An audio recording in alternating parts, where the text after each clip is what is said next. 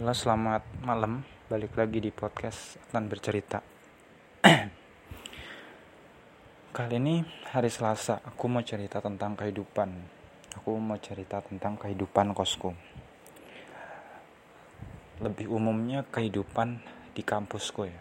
Mungkin dulu aku pernah cerita tapi sepotong-potong. Nah, kali ini karena durasinya lebih panjang, aku mau cerita lebih banyak gitu loh aku angkatan 2019 di UGM tapi aku sekarang membatasi dari aku masuk UGM aku nggak cerita tentang perjuanganku masuk UGM tuh nggak. Jadi aku akan cerita dari hari pertama aku ngampus kuliah di UGM mungkin aku berangkat hari pertama ya ke Jogja itu. Waktu itu tanggal 2 Agustus 2019 ya aku nggak mengira masih bisa bertahan sampai 4 tahun kemudian. Usiaku 18 tahun saat itu pakai motor Win dengan bapakku ke Jogja. Aku lupa lewatnya mana tapi kira-kira waktu itu lewatnya tuh jalan tapi bukan jalan umum yang biasa aku lewati untuk pulang pergi. Kita mampir makan di sana waktu itu kan masih rame pakai line line grup karena belum ada WhatsApp. Soalnya emang kita belum pada tahu nomornya masing-masing gimana hanya berdasarkan grup line. Namanya mahasiswa baru ya kan? Grupnya pasti rame banget. Ada satu orang sebut aja namanya nama samaran ya. Namanya Mawar lah. Namanya Mawar itu aktif banget. Ngasih info sharing sharing berbagi apa pun di grup rame. Tapi makin sini makin sepi. Kayak chat cuma kalau ada butuhnya aja. Waktu itu kan kita belum fokus namanya untuk kuliah ya. Kayak kita masih santai-santai lah bahas ini bahas itu. Masih sering guyon. Waktu mahasiswa baru sekarang ya udah nggak ada waktu lah. Waktu itu kan zamannya masih kita aktif PPSMB ya. PPSMB itu pelatihan pembelajar sukses mahasiswa baru. Itu kita ah, tugasnya banyak banget.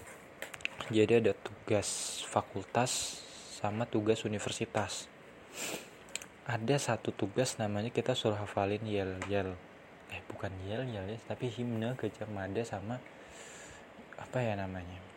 Pokoknya yang khas PPSMB lah. Hafalin gerakannya liriknya dan sebagainya. Itu kan teman-teman yang udah sampai di Jogja duluan. Itu mereka uh, meet up lah di kampus untuk pertama kali. Untuk latihan itu.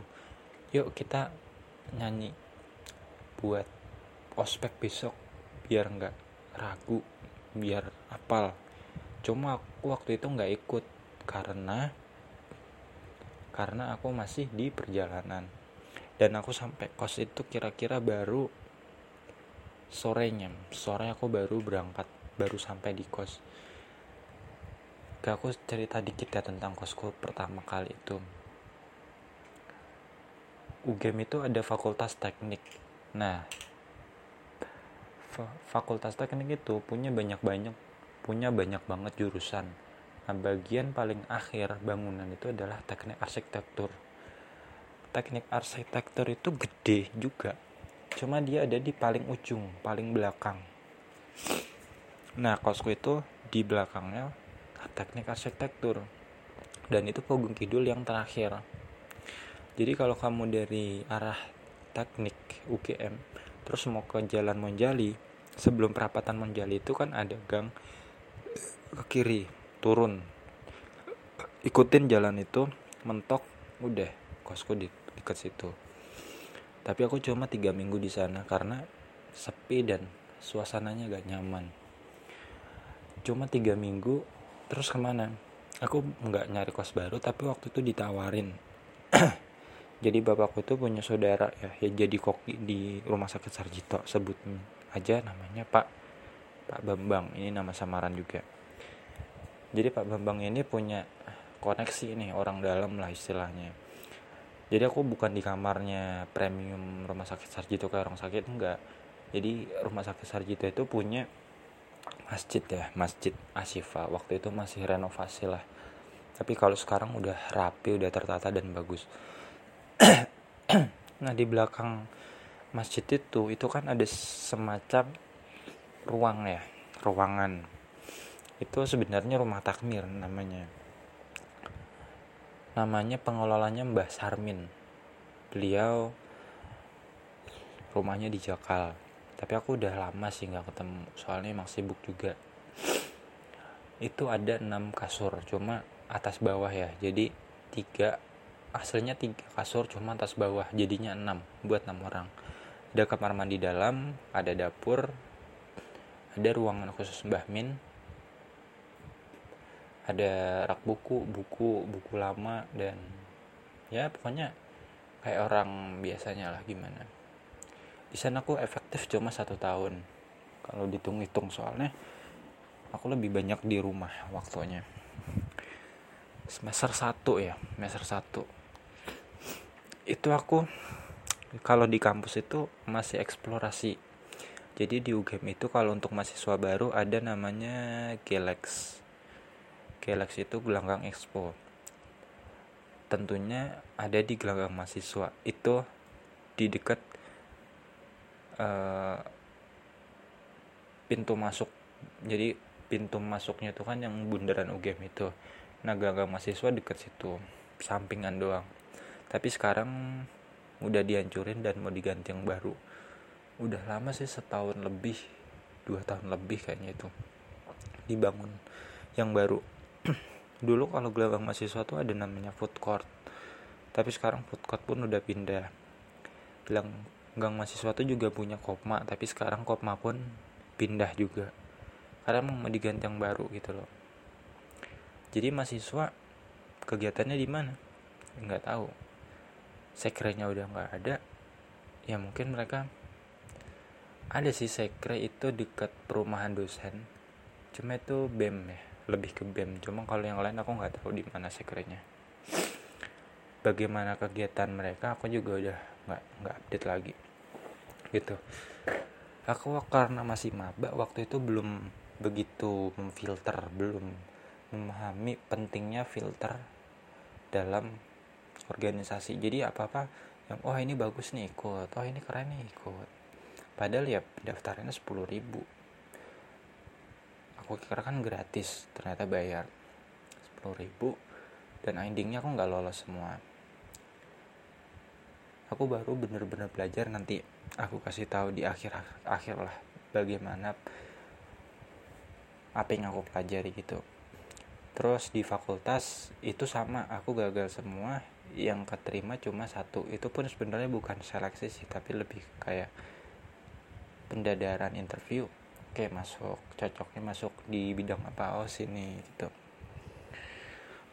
Namanya JMMB Jamaah Mahasiswa Muslim Biologi. Ini organisasi terlama yang pernah aku ikuti kira-kira selama 2 tahun lah. Dari awal aku masuk sampai pertengahan 2021 jadi dua tahun lalu itu aku berhenti organisasi. Udah lama banget ya. Oke. Kalau soal kuliah aku waktu itu juga sama sih karena belum paham aku belum filter filter aku nggak gitu serius dalam jalani kuliah kayak asal-asalan gitu. Bahkan sampai sekarang pun aku cenderung asal-asalan. Maksudnya kayak nggak maksimal. Nggak tahu kenapa aku susah banget ngeluarin yang maksimal untuk apa pun itu. Soalnya gini bukan aku nggak bisa keluarin maksimal tapi sekalinya sekalinya aku maksimal itu bakal capek banget dan itu butuh waktu pemulihan yang cukup lama. Oke itu. Semester 1 masih langsung di kampus belum pandemi. Nah pandemi ini kan sesuatu yang nggak bisa diduga awalnya kan hanya dari isu-isu kasus desas-desus gitu. Oh ada virus baru di Cina di pasar ikan. Namanya COVID-19 eh ternyata menyebar ke seluruh dunia bayangkan. Dan baru berakhir kapan? Akhir 2022 jadi baru-baru ini. Kira-kira berarti tiga tahun lamanya. Pandemi tiga tahun lamanya baru benar-benar bersih. Ya mungkin satu dua terjangkit virus covid lah. Tapi aku cerita eh soal perjalanan di pandemi ini. Karena pandemi ini sesuatu yang baru virus covid waktu itu belum banyak. Maksudnya penelitian tuh kayak masih kalang kabut gitu karena masih fokus pemulihan gimana meneliti orang masih sempoyongan buat pemulihan kesehatan gitu tahun 2020 ya paling parah tuh tahun 2020 soalnya covid itu masuk ke Indonesia kira-kira awal Maret 2020 jadi saat itu aku masih semester 2 ya. Kapan ya? 6 oh 16 Maret. 16 Maret 2020 kita mulai semuanya serba online jadi semuanya kalang kabut karena awalnya belum pernah akhirnya sekarang mau nggak mau harus pakai. Waktu itu belum ada zoom kita baru pakai Google Meet. Webex juga belum ada waktu itu. Praktikumnya serba online semuanya serba online kuliah online dosen asisten laboratorium semuanya bingung. Ini gimana ya kalau online? Soalnya belum pernah terjadi kayak gini tapi akhirnya tahun demi tahun terlewati semuanya akhirnya menjadi terbiasa. Semua menjadi terbiasa. Terus ingat nggak zamannya namanya masker itu mahal? Kayak ada yang nimbun lah buat bisnis buat itu. Sekarang masker 50 pieces satu box itu cuma 10 ribu bayangin murah loh. Berarti seribu dapat lima. Kalau dulu seribu paling cuma satu bahkan satu harganya dua ribu mahal. Terus kelangkaan gula pasir. Ya kan? Gula kan manfaatnya untuk kayak pemanis ya. Kalau kita minum teh biar seger anget nggak enak rasanya kalau nggak ada gula. Gula dulu jadi bahan yang langka. Serius. Terus hand sanitizer habis. Karena waktu itu panik buying. Orang semuanya pada panik ini gimana ya nanti? Karena mereka belum tahu ini virus apa dan sebagainya. Tapi sekarang udah normal semua. Gula udah normal stoknya udah lumayan. Dan di akhir-akhir pandemi juga ada namanya korupsi minyak goreng. Bayangkan minyak goreng aja sampai langka. Harganya naik turun tapi sekarang udah stabil. Sekitar berapa ya? 20-an ribu lah atau berapa itu satu liter pokoknya udah normal lagi gitu. Oke kembali ke masa kuliah. Semester 2 itu aku dari bulan Maret 2020 sampai akhir pokoknya sampai Agustus 2020 lah. Satu semester lah. Jadi satu semester efektif aku di Sarjito itu satu semester berikutnya sampai Agustus 2020 aku di rumah karena waktu itu bener-bener nungguin eh belum ppkm ya namanya. Belum belum. Belum ppkm tapi kayak masih orang harus di rumah terus nggak boleh keluar rumah. Bahkan di kos deket kos itu katanya banyak banget apa namanya blokade jalan ya jalan ditutup ini apa biar untuk meminimalkan virus masuk. Karena emang waktu itu virus rawan banget masuk gitu semester 3 semester 3 aku aktif di kegiatan online ikut organisasi ini itu.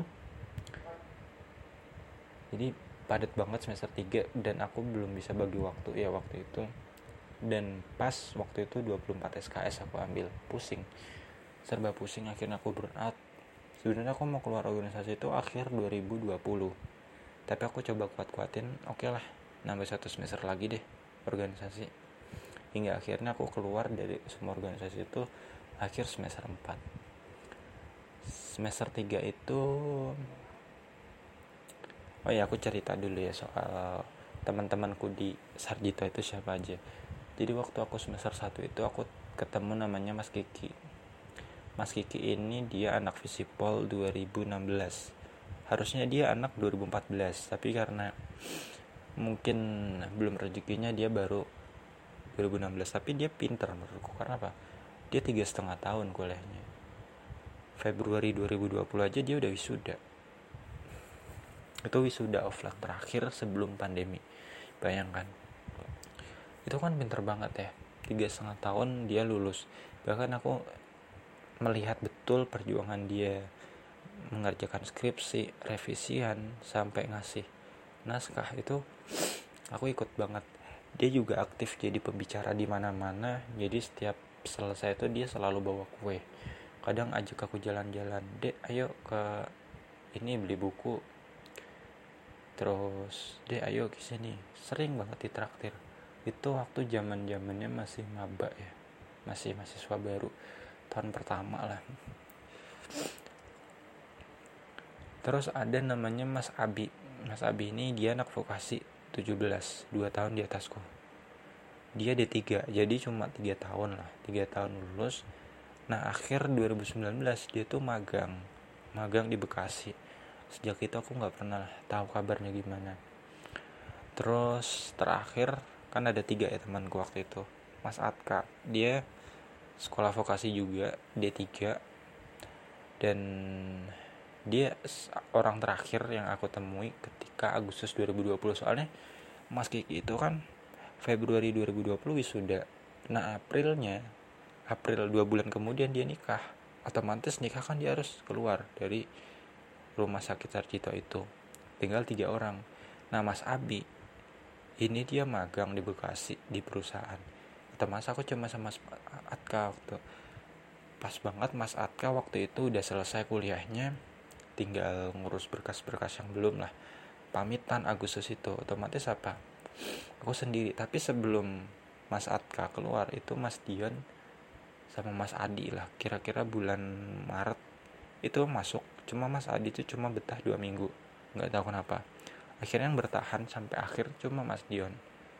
Jadi Agustus 2020 itu Mas Atka keluar aku sama Mas Dion.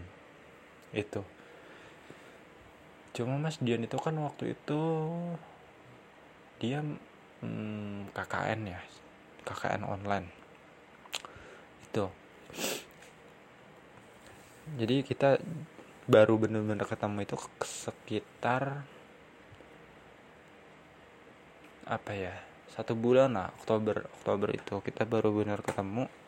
Tapi Mas Dion akhirnya pulang ke Padang sekitar November sampai Desember lah baru lanjut lagi semester 4 semester 4 ini kan tahun 2021 ya. Ini semester terakhir aku sama Mas Dion. Aku inget inget inget dulu ya. Ini aku nggak full juga sih. Ya katakan full ya aku ya full. Semester 4 ini aku full. Jadi Ramadan waktu itu kan sekitar April ya. Dan aku Ramadan bareng Mas Dion. Karena aku tahu ini Mas Dion semester depan udah nggak ada lagi. Maksudnya udah lulus lah seru banget Ramadan di sana. Jadi kalau Ramadan di Sarjito itu setiap buka puasa kita selalu dapat makanan banyak. Ada dari kerohanian ada pokoknya tiga bungkus lah dapat. Tapi makanannya standar lah gitu. Terus aku pernah jadi imam tarawih juga. Oh ya tugas jadi takmir itu kita jadi imam sholat. Biasanya maghrib subuh sama isya ganti-gantian bacain hadis setiap habis sholat subuh udah. Itu aja sama jaga kebersihan. Semester 4 ya kembali ke semester 4 semester 4 ini kata teman-teman dan kata kating-katingku di fakultas itu adalah semester terberat. Kenapa? Ada beberapa matkul yang semuanya 4 SKS semuanya punya praktikum. Karena semuanya praktikum otomatis dalam satu minggu hampir setiap hari kerja itu kita praktikum. Aku coba inget-inget lagi ya. Itu hari Senin kita praktikum fisiologi hewan. Hari Selasa praktikum mikrobiologi. Ya kan? Terus Rabu Rabu kayaknya kosong. Eh Rabu itu kultur dan rekayasa alga pilihan. Kamis fisiologi tumbuhan Jumat ekologi. Nah fisiologi hewan ini untungnya ini semua online ya. Kalau offline ini bakal berat banget. Kalau fisiologi hewan ini dia uh, acaranya nggak banyak cuma lima ya kan? Ini masih ringan lah.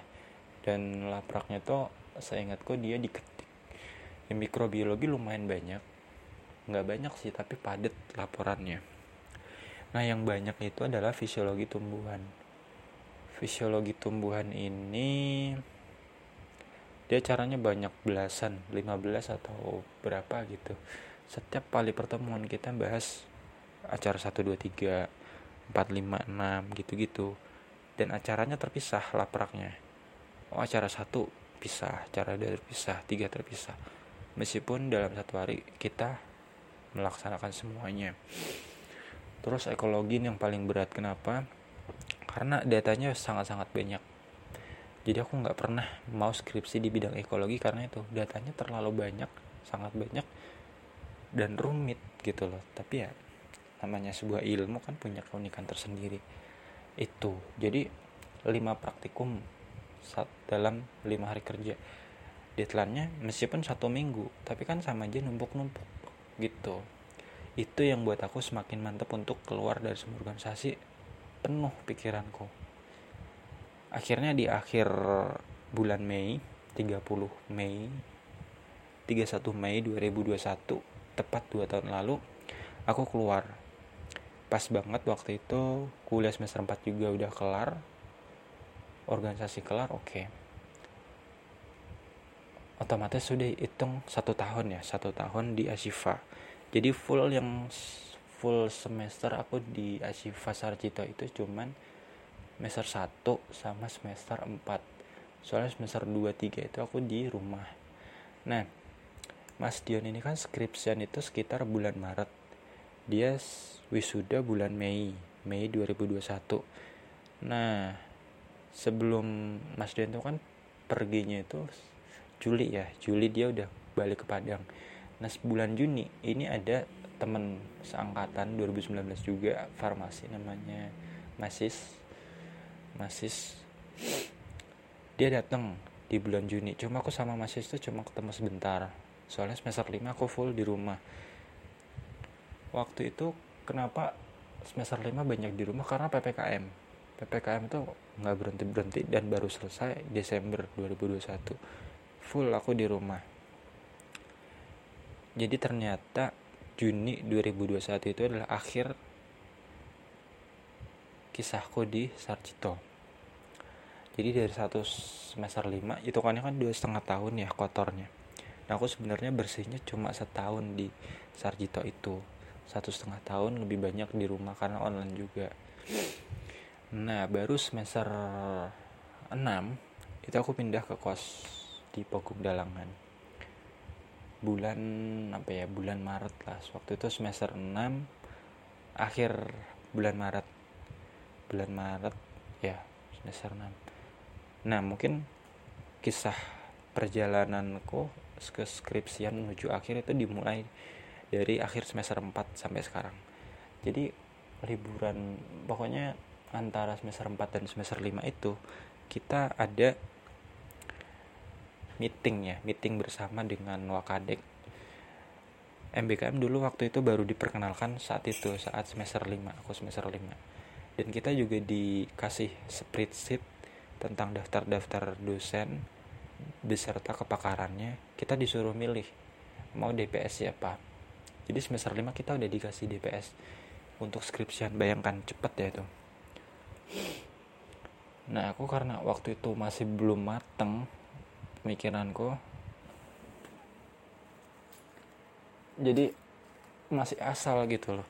Oh aku pengen yang advance ternyata enggak lihat kapasitas. Akhirnya aku pindah-pindah lah sejak itu. Oh enggak aku sebenarnya kan orangnya masa bodoh ya sejak semester 1 kayak nggak pedulian lah. Baru semester 6 teman-temanku tuh udah ngurus tuh sejak semester 5 bahkan adik tingkatku semester 5 udah seminar dan aku baru ngurus semuanya Februari. Karena aku masa bodoh. Nah Februari itu baru diskusi. Wah nggak cocok nih. Aku gonta ganti sampai semester 7 kan aku daftar seminar itu semester 6 nah aku sempat ganti tuh. Dosen ketiga atau keberapa sebut aja namanya Pak Damar. Ini nama samaran Pak Damar karena aku belum yakin sama pilihanku. Aku cuma asal tertarik oh tertarik daftar deh oh tertarik daftar deh gitu. Aku semester 6 itu akhirnya pindah haluan drastis 180 derajat ke hewan. Jadi semester 6 itu aku full ambil mata kuliah tentang hewan. Yang kelas-kelas besar ya kayak kelas mamalia kelas amphibia pisces burung aves serangga dan sebagainya itu semuanya bermula dari gonta-ganti DPS itu. Eh ternyata sifat Pak Damar ini nggak baik buatku. Nggak nyaman lah aku sama beliau. Akhirnya mangkrak karena aku juga masih masa bodoh ya waktu itu. Selama satu semester kira-kira September lah. Dari Maret sampai September itu kan 6 bulan cukup lama. Temen-temenku udah mulai seminar April sampai Juni. Dan pas banget waktu itu semester 6 kita lagi sibuk-sibuknya ngurus KKN jadi kita daftar itu Februari oh Januari itu aku mau ikut yang oprek-oprek gitu tapi gagal. Mungkin emang kurang kurang meyakinkan aja gitu loh. Terus apa ya? Akhirnya aku ikut yang plottingan daftar Februari 2022 April akhir April itu dua bulan April lah itu pengumuman. Oh aku keterima. Oh ternyata di Bantul dekat dekat pantai lah. Mei akhir Mei ini tahun setahun lalu aku tuh survei-survei. Terus Juni akhir Juni kita mulai start KKN sampai pertengahan Agustus. Nah itu aku minder banget tuh ketika semester 6 teman-temanku udah seminar proposal ya kan? Aku masih luntang-luntung gak jelas. Mata kuliahnya juga aneh hewan semua. Aku waktu itu belum memahami betul. Akhirnya sampai di semester 7 semester 7 aku mulai panik kan? Waduh iya juga ya aku udah semester 7 beasiswa kok tinggal satu tahun lagi nih mau nggak mau skripsiku harus selesai. Dan waktu itu kan aku baru selesai KKN dan semester 7 aku masih ambil hewan karena belum jelas DPS ku siapa. Waktu itu aku kontak-kontakan sama Pak Kaprodi Pak Kirno Sukirno. Beliau yang membantu aku banget selama satu bulan penuh lah. Dari aku kan mulai konsultasi sama Pak Damar itu ini gimana mau pindah? Akhirnya aku pindah itu baru seminggu setelah KKN itu aku baru fix mau pindah. Kayak aku tuh baru mulai. Baru mulai apa ya serius tuh akhir KKN itu aku mulai ber oh ya juga ya. Aku ini apa harus serius nih. Satu minggu setelah KKN baru mulai mantep mau pindah DPS lagi mulai hati-hati lagi. Akhirnya akhir September lah akhir September ketemulah Bu Lutmila namanya yang sekarang DPS ku. E, kita kan konsultasi itu tanggal 28 September ya 2022 ingat tanggal ini itu bulan 9 tambah 5 se 3 3 tambah 5 8 bulan. 8 bulan yang lalu. Iya kan? 8 bulan yang lalu sekarang kan aku udah tinggal sidang nih 8 bulan yang lalu aku tuh masih luntang-luntung gak jelas. Itu konsultasi e, beliau langsung bilang eh ini ada saya ada koneksi nih orang dalam di Taman Nasional Gunung Merbabu. Mau nggak? Tentang apa bu? Tentang tentang liken. Aku masih asing kan apa sih itu liken? Beliau jelasin dikit oh liken itu ternyata simbiosis antara alga dan jamur ada empat krustose, foliose, squamulose, fruticose. Aku nggak tahu ini apa ya. Foliose apa? Krustose. Oh, ternyata foliose itu yang mirip daun. Oh, krustose dia yang berbatu dan lain-lain lah terus dia jelasin cara singkat Taman Nasional Gunung Merbabu itu kayak gimana oh Taman Nasional Gunung Merbabu itu semacam hutan tapi dia untuk merawat tumbuhan dan satwa yang ada di sana secara alami. Oke tanpa pikir panjang akhirnya aku setuju. Ya mau nggak mau kan. Aku sejak itu cuma yang penting manut lah sama dosen. Aku nggak mau pilih-pilih lagi kayak dulu. Soalnya aku pernah milih-milih ternyata nggak cocok. Ya udahlah sekarang manut sama dosen aja oke tiga hari itu aku selesai buat proposal. Entah gimana cara selesai. Sebulan kemudian tanggal 28 Oktober eh 27 Oktober aku seminar proposal. Itu aku bener mulai peduli tuh. Mulai pengen nyolong start lah inilah. Kayak aku tuh baru bener ambis untuk nyelesain kuliah tuh setelah kakaknya tuh alhamdulillah selesai terus ngurus karena waktu itu kan apa ya format proposal maksudnya proposal seminar itu itu belum fix. Jadi kalau kamu mau sidang skripsi itu harus jadiin proposal skripsi dulu daftar. Nah itu formatnya masih acak adul belum dibuat rapi sama akademik. Tapi sekarang udah rapi. Jadi sebulan tuh kita nungguin format yang pasti gitu loh. Baru datang. Baru. Harusnya kalau formatnya udah ada seminggu kemudian aku udah bisa daftar tapi ternyata baru sebulan kemudian. Ya udah. Alhamdulillah 25 November proposal skripsiku udah daftar udah selesai. Ngurus perizinan. Satu bulan kemudian uh, aku presentasi dulu kan. Soalnya untuk izin ke sana kan kita presentasi dulu. Oh ideku begini begini begini oke. Besoknya itu aku langsung ke sana untuk ngurus si maksi surat masuk kawasan konservasi gitu. Bawa fotokopi KTP sama materai. Itu pertama kali aku ke Merbabu itu ternyata dua jam ya jauh juga ya. Waktu itu hujan juga sih hujan deras. Oke, dua hari kemudian aku ngambil sekalian sampling. Iya, sama semester 7 itu kan ada namanya mata kuliah ekskul. Nah, aku karena masa bodohku di masa lalu, aku harus repot-repot dong ngurus sertifikat PPSMB yang hilang. Tapi alhamdulillah semuanya terlewati. Meskipun yang nilainya seadanya, tapi nggak masalah. Oke, kembali ke skripsi tadi. Aku sampling itu sekitar tanggal 28 lah, 28 Desember. Itu jadi waktunya cukup panjang lah dari jam 6 berangkat dari rumah sampai sana jam 8 ngambil surat itu suratnya ada 5 aku kaget kan kok banyak banget. Satu untuk aku pribadi satu untuk dikirimkan ke dan ramil semacam TNI lah sama Kapolres Kapolres atau Kapol apa ya pokoknya semacam kepala polisi di sana lah Kapolsek lah mungkin.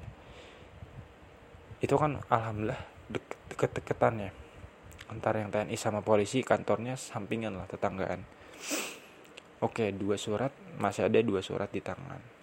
Neng jauh itu adalah yang ke e, wilayah.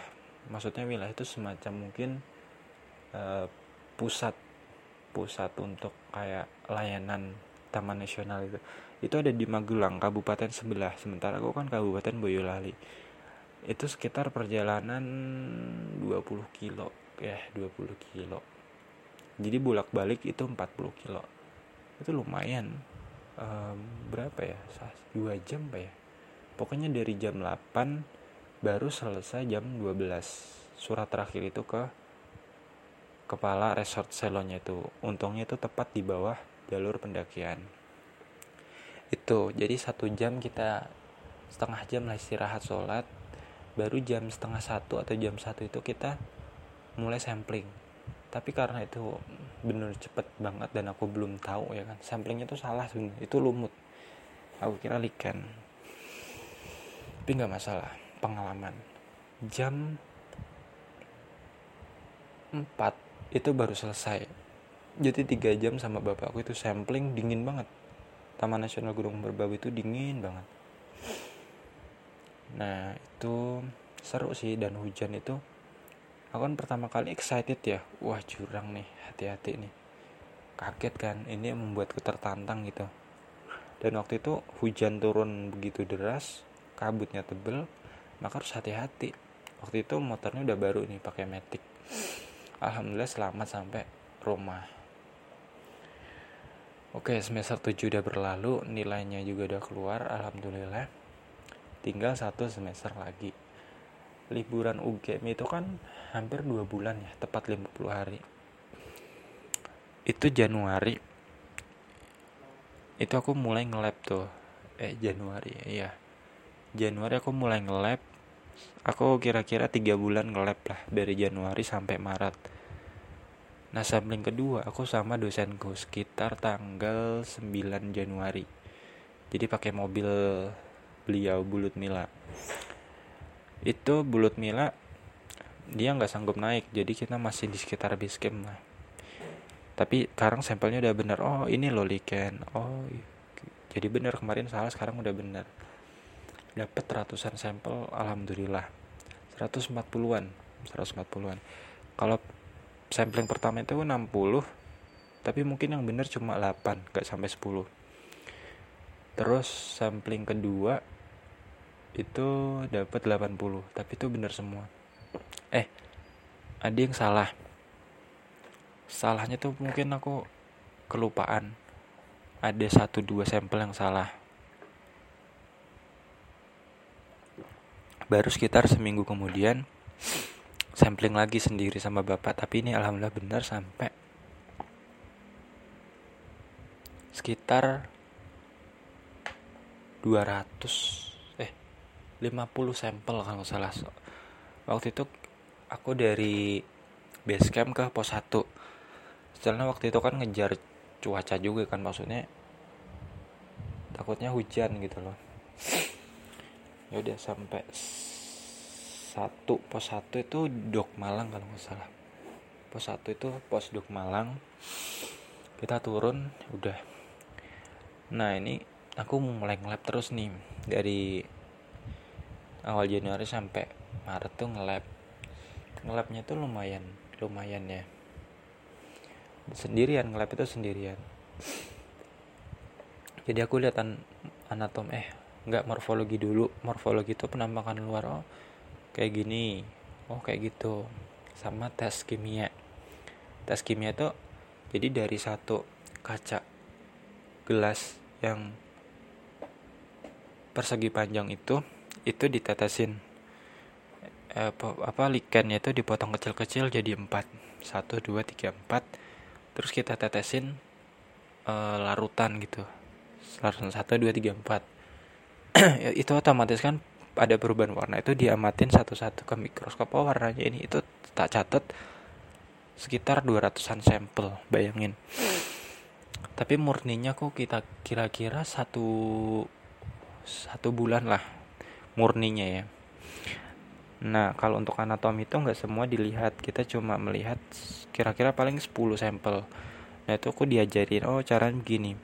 Awal-awal aku belajar anatomi itu butuh waktu dua jam lah untuk tahu salah benernya oh kayak gini ya caranya ngiris. Oh gitu. Tapi seterusnya bisa cepet lah. Oke terus sampling terakhir yang keempat itu sama tim MBKM aku lupa siapa namanya. Itu akhir Februari pokoknya akhir tanggal simaksiku habis. Itu sableng terakhir. Sembilan eh iya delapan orang ada tujuh orang. Satu nggak hadir. Nyawa dua mobil. Jadi aku dikasih uang satu juta. Satu juta itu untuk akomodasi makan. Pokoknya makan. Iya akomodasi untuk makan aja bersepuluh dua sama supir. Jadi satu mobil itu isinya empat orang. Empat orang itu. Jadi satu mobil isinya lima orang satu sopir empat mahasiswa. Kita berangkat sekitar pukul 6 pagi benar-benar pagi. Jadi anak OGM itu bisa lah kalau disuruh bangun pagi bisa. Jam 6 pagi kita berangkat. Dan ini kita lewat jalan yang baru lewat kalau dulu kan lewatnya Klaten ini lewatnya Magelang. Sekitar jam 8 kita berhenti untuk sarapan soto sama bakso. Nah itu. Terus baru deh sampai sana. Nah sampai sana kita izin saling sapa terus pinjem. Nah masalah terjadi di sini kita harus pinjam sepatu. Soalnya sepatunya sepatu sekolah nggak sepatu gunung takutnya keselamatan gitu loh. Kita nyewa pakai uang itu dong otomatis. Barulah sekitar jam 10 apa ya. Kita kan dari kampus itu dari UGM itu jam 6 nah sampai sana tuh jam 9 setengah 10 kita baru bener-bener berangkat naik ke gunung. Nah itu mereka kan baru pertama kali ya naik gunung itu wah capek ya ngeluh asik juga ya ngomong sama mereka tuh. Kayak seru juga sambil ngobrol.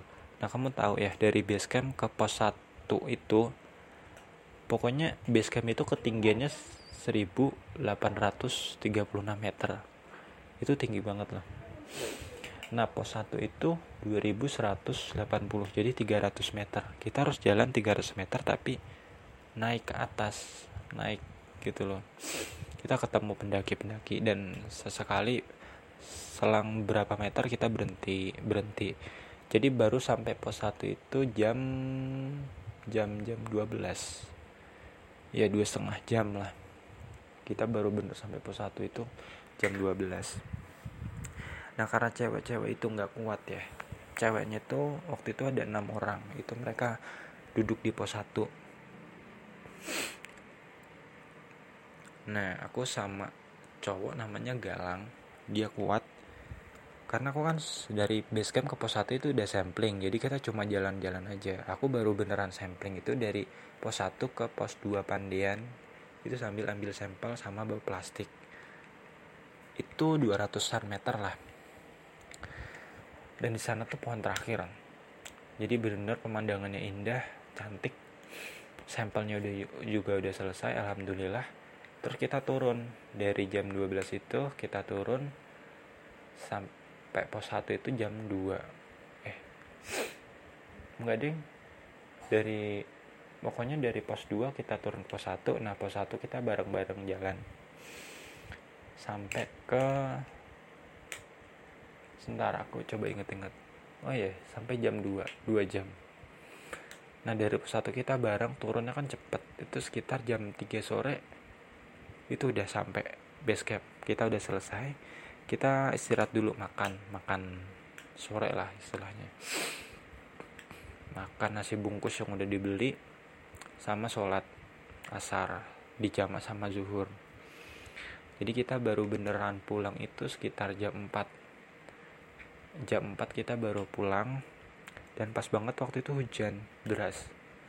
Hujan turun dua jam perjalanan kita baru sampai kampus lagi tuh maghrib jam 6 nah karena kita lapar nasi bungkus ya mana kenyang kan? Akhirnya kita mampir lah di sebuah rumah makan pinggir jalan.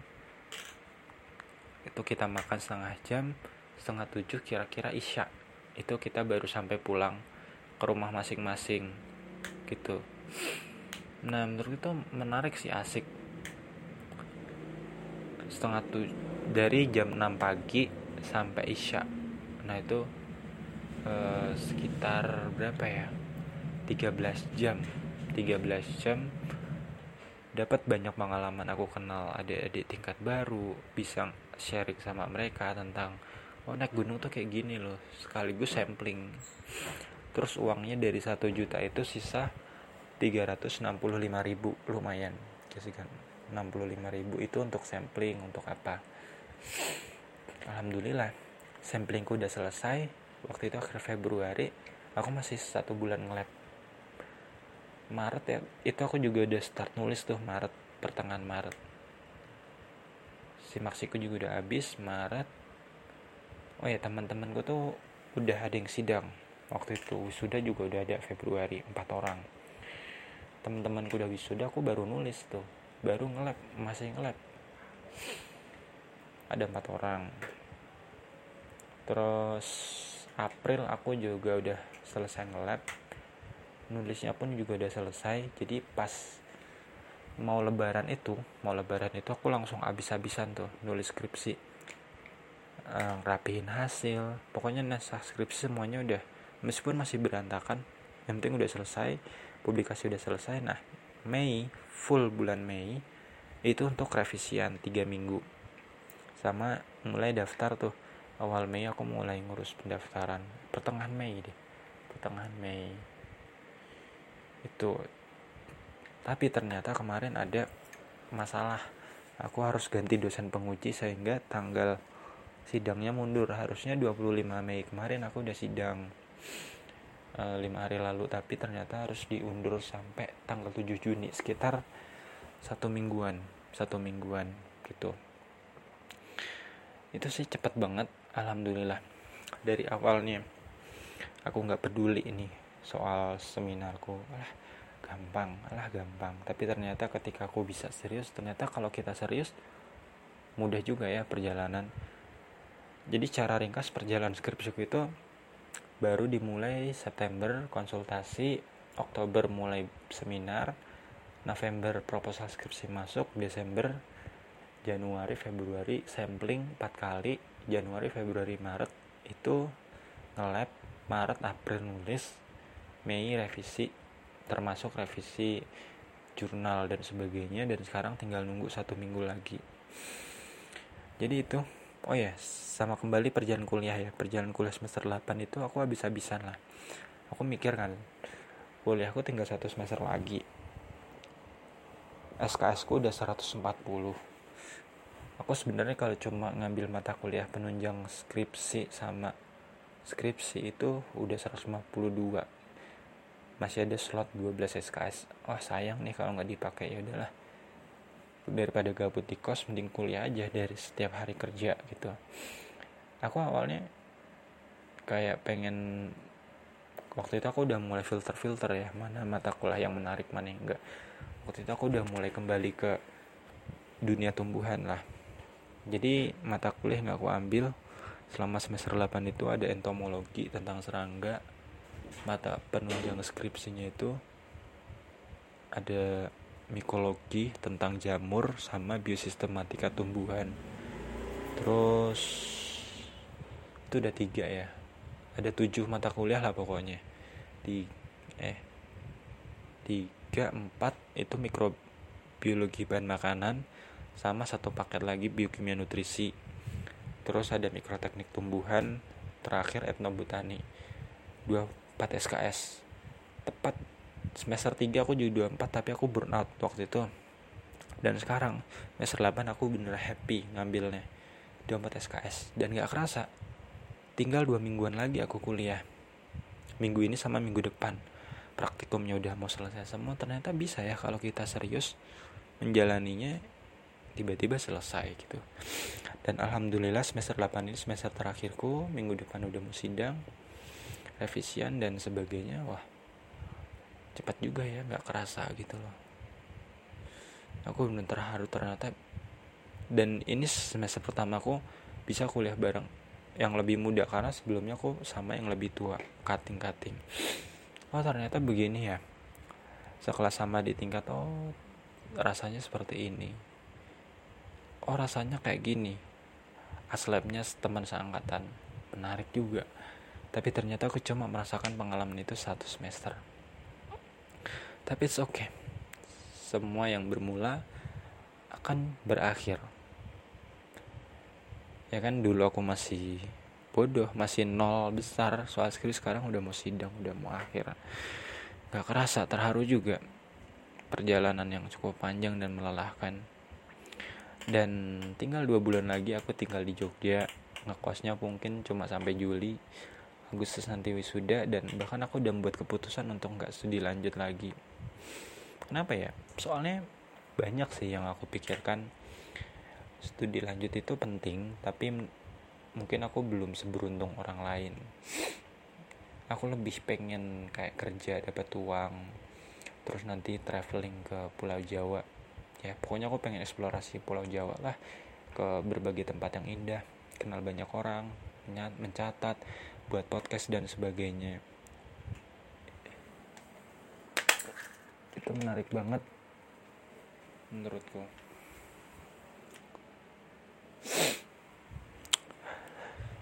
Ya tinggal dua bulan ya. Juni Juli. Dimaksimalin lah dipuas-puasin. Kenal sama orang sama ini. Kenal banyak pengalaman maksimalin. Nah belum tentu aku ketemu lagi sama mereka mereka ya itu aja pengalamanku alhamdulillah ini hampir satu jam. Mungkin ini podcast terpanjang tapi nikmatin aja ya podcastnya ini. Oh ya tadi di awal aku kan janji mau cerita tentang apa sih yang aku dapatkan selama perjalanan kuliah. Mulai dari Adnan yang labil sampai sekarang udah stabil. Itu banyak banget. Yang pertama di semester 1 itu kan aku sempat bilang ya kalau waktu itu aku belum punya filter tentang tentang dunia perkuliahan. Aku kayak masih labil.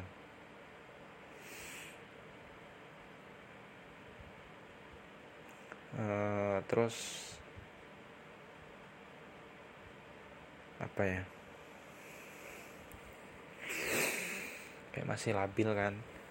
Jadi pesanku tuh situ aku belajar bahwa ternyata kita harus memikirkan matang-matang jangan mudah tertarik sama kemasan. Maksudnya gini apa yang ditampilkan di luar itu sebenarnya cuma bungkus cuma cuma apa ya ibarat bungkus ya harus menarik dan kita jangan tertipu. Terus promosi-promosi itu juga kamu jangan tertipu lah. Kayak harus hati-hati. Kita penting nggak sih? Daftar organisasi ini sesimpel kamu belanja di supermarket atau pasar itu kan ada banyak barang menarik. Ketika kamu punya uang yang banyak terus oh ini penting ini ya penting. Tapi ketika kamu pikirkan kembali matang-matang wah ternyata ini aku nggak butuh nggak butuh. Itu aku terapkan tadi aku belanja di Mirota. Ada banyak barang kan yang ingin aku beli eh tapi ternyata dipikirin ah nggak butuh nggak butuh. Alhamdulillah sekarang hemat banget. Jadi pesan gue itu semua di dunia ini banyak sekali hal menarik mulai dari makanan organisasi orang-orang yang kita temui. Itu menarik tapi kamu harus hati-hati ya. Jangan mudah tertipu sama bungkus. Kamu beneran butuh sesuatu sesuatu itu nggak? Kalau nggak butuh tinggalin. Taruh lepasin ikhlasin karena hidup kita itu semuanya terbatas. Kita nggak bisa mengambil semuanya. Kita nggak bisa mengonsumsi semuanya. Harus ada yang kita korbankan. Tenang ketika kita melepaskan akan diganti Tuhan yang lebih baik. Gitu. Yang kedua adalah syukuri apa yang udah kita punya. Dan jangan iri dengan apa yang kita belum punya. Kayak setiap orang tuh punya proses yang beda ya tentang hidup ini. Ada yang usia 20 tahun udah punya perusahaan udah punya saham di mana-mana punya harta benda yang kita inginkan.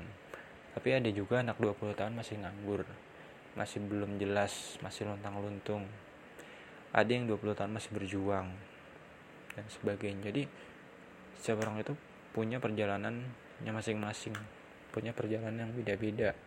Dan kita nggak bisa memaksa kita harus jadi dia jadi itu enggak itu yang pertama kita harus filter yang kedua adalah kita harus bersyukur atas apa yang kita punya yang ketiga mungkin have fun nikmati perjalanan yang ada nikmati setiap proses dan yakin setiap kesulitan itu pasti akan menemui kemudahan semua perjalanan yang dimulai pada akhirnya juga akan selesai.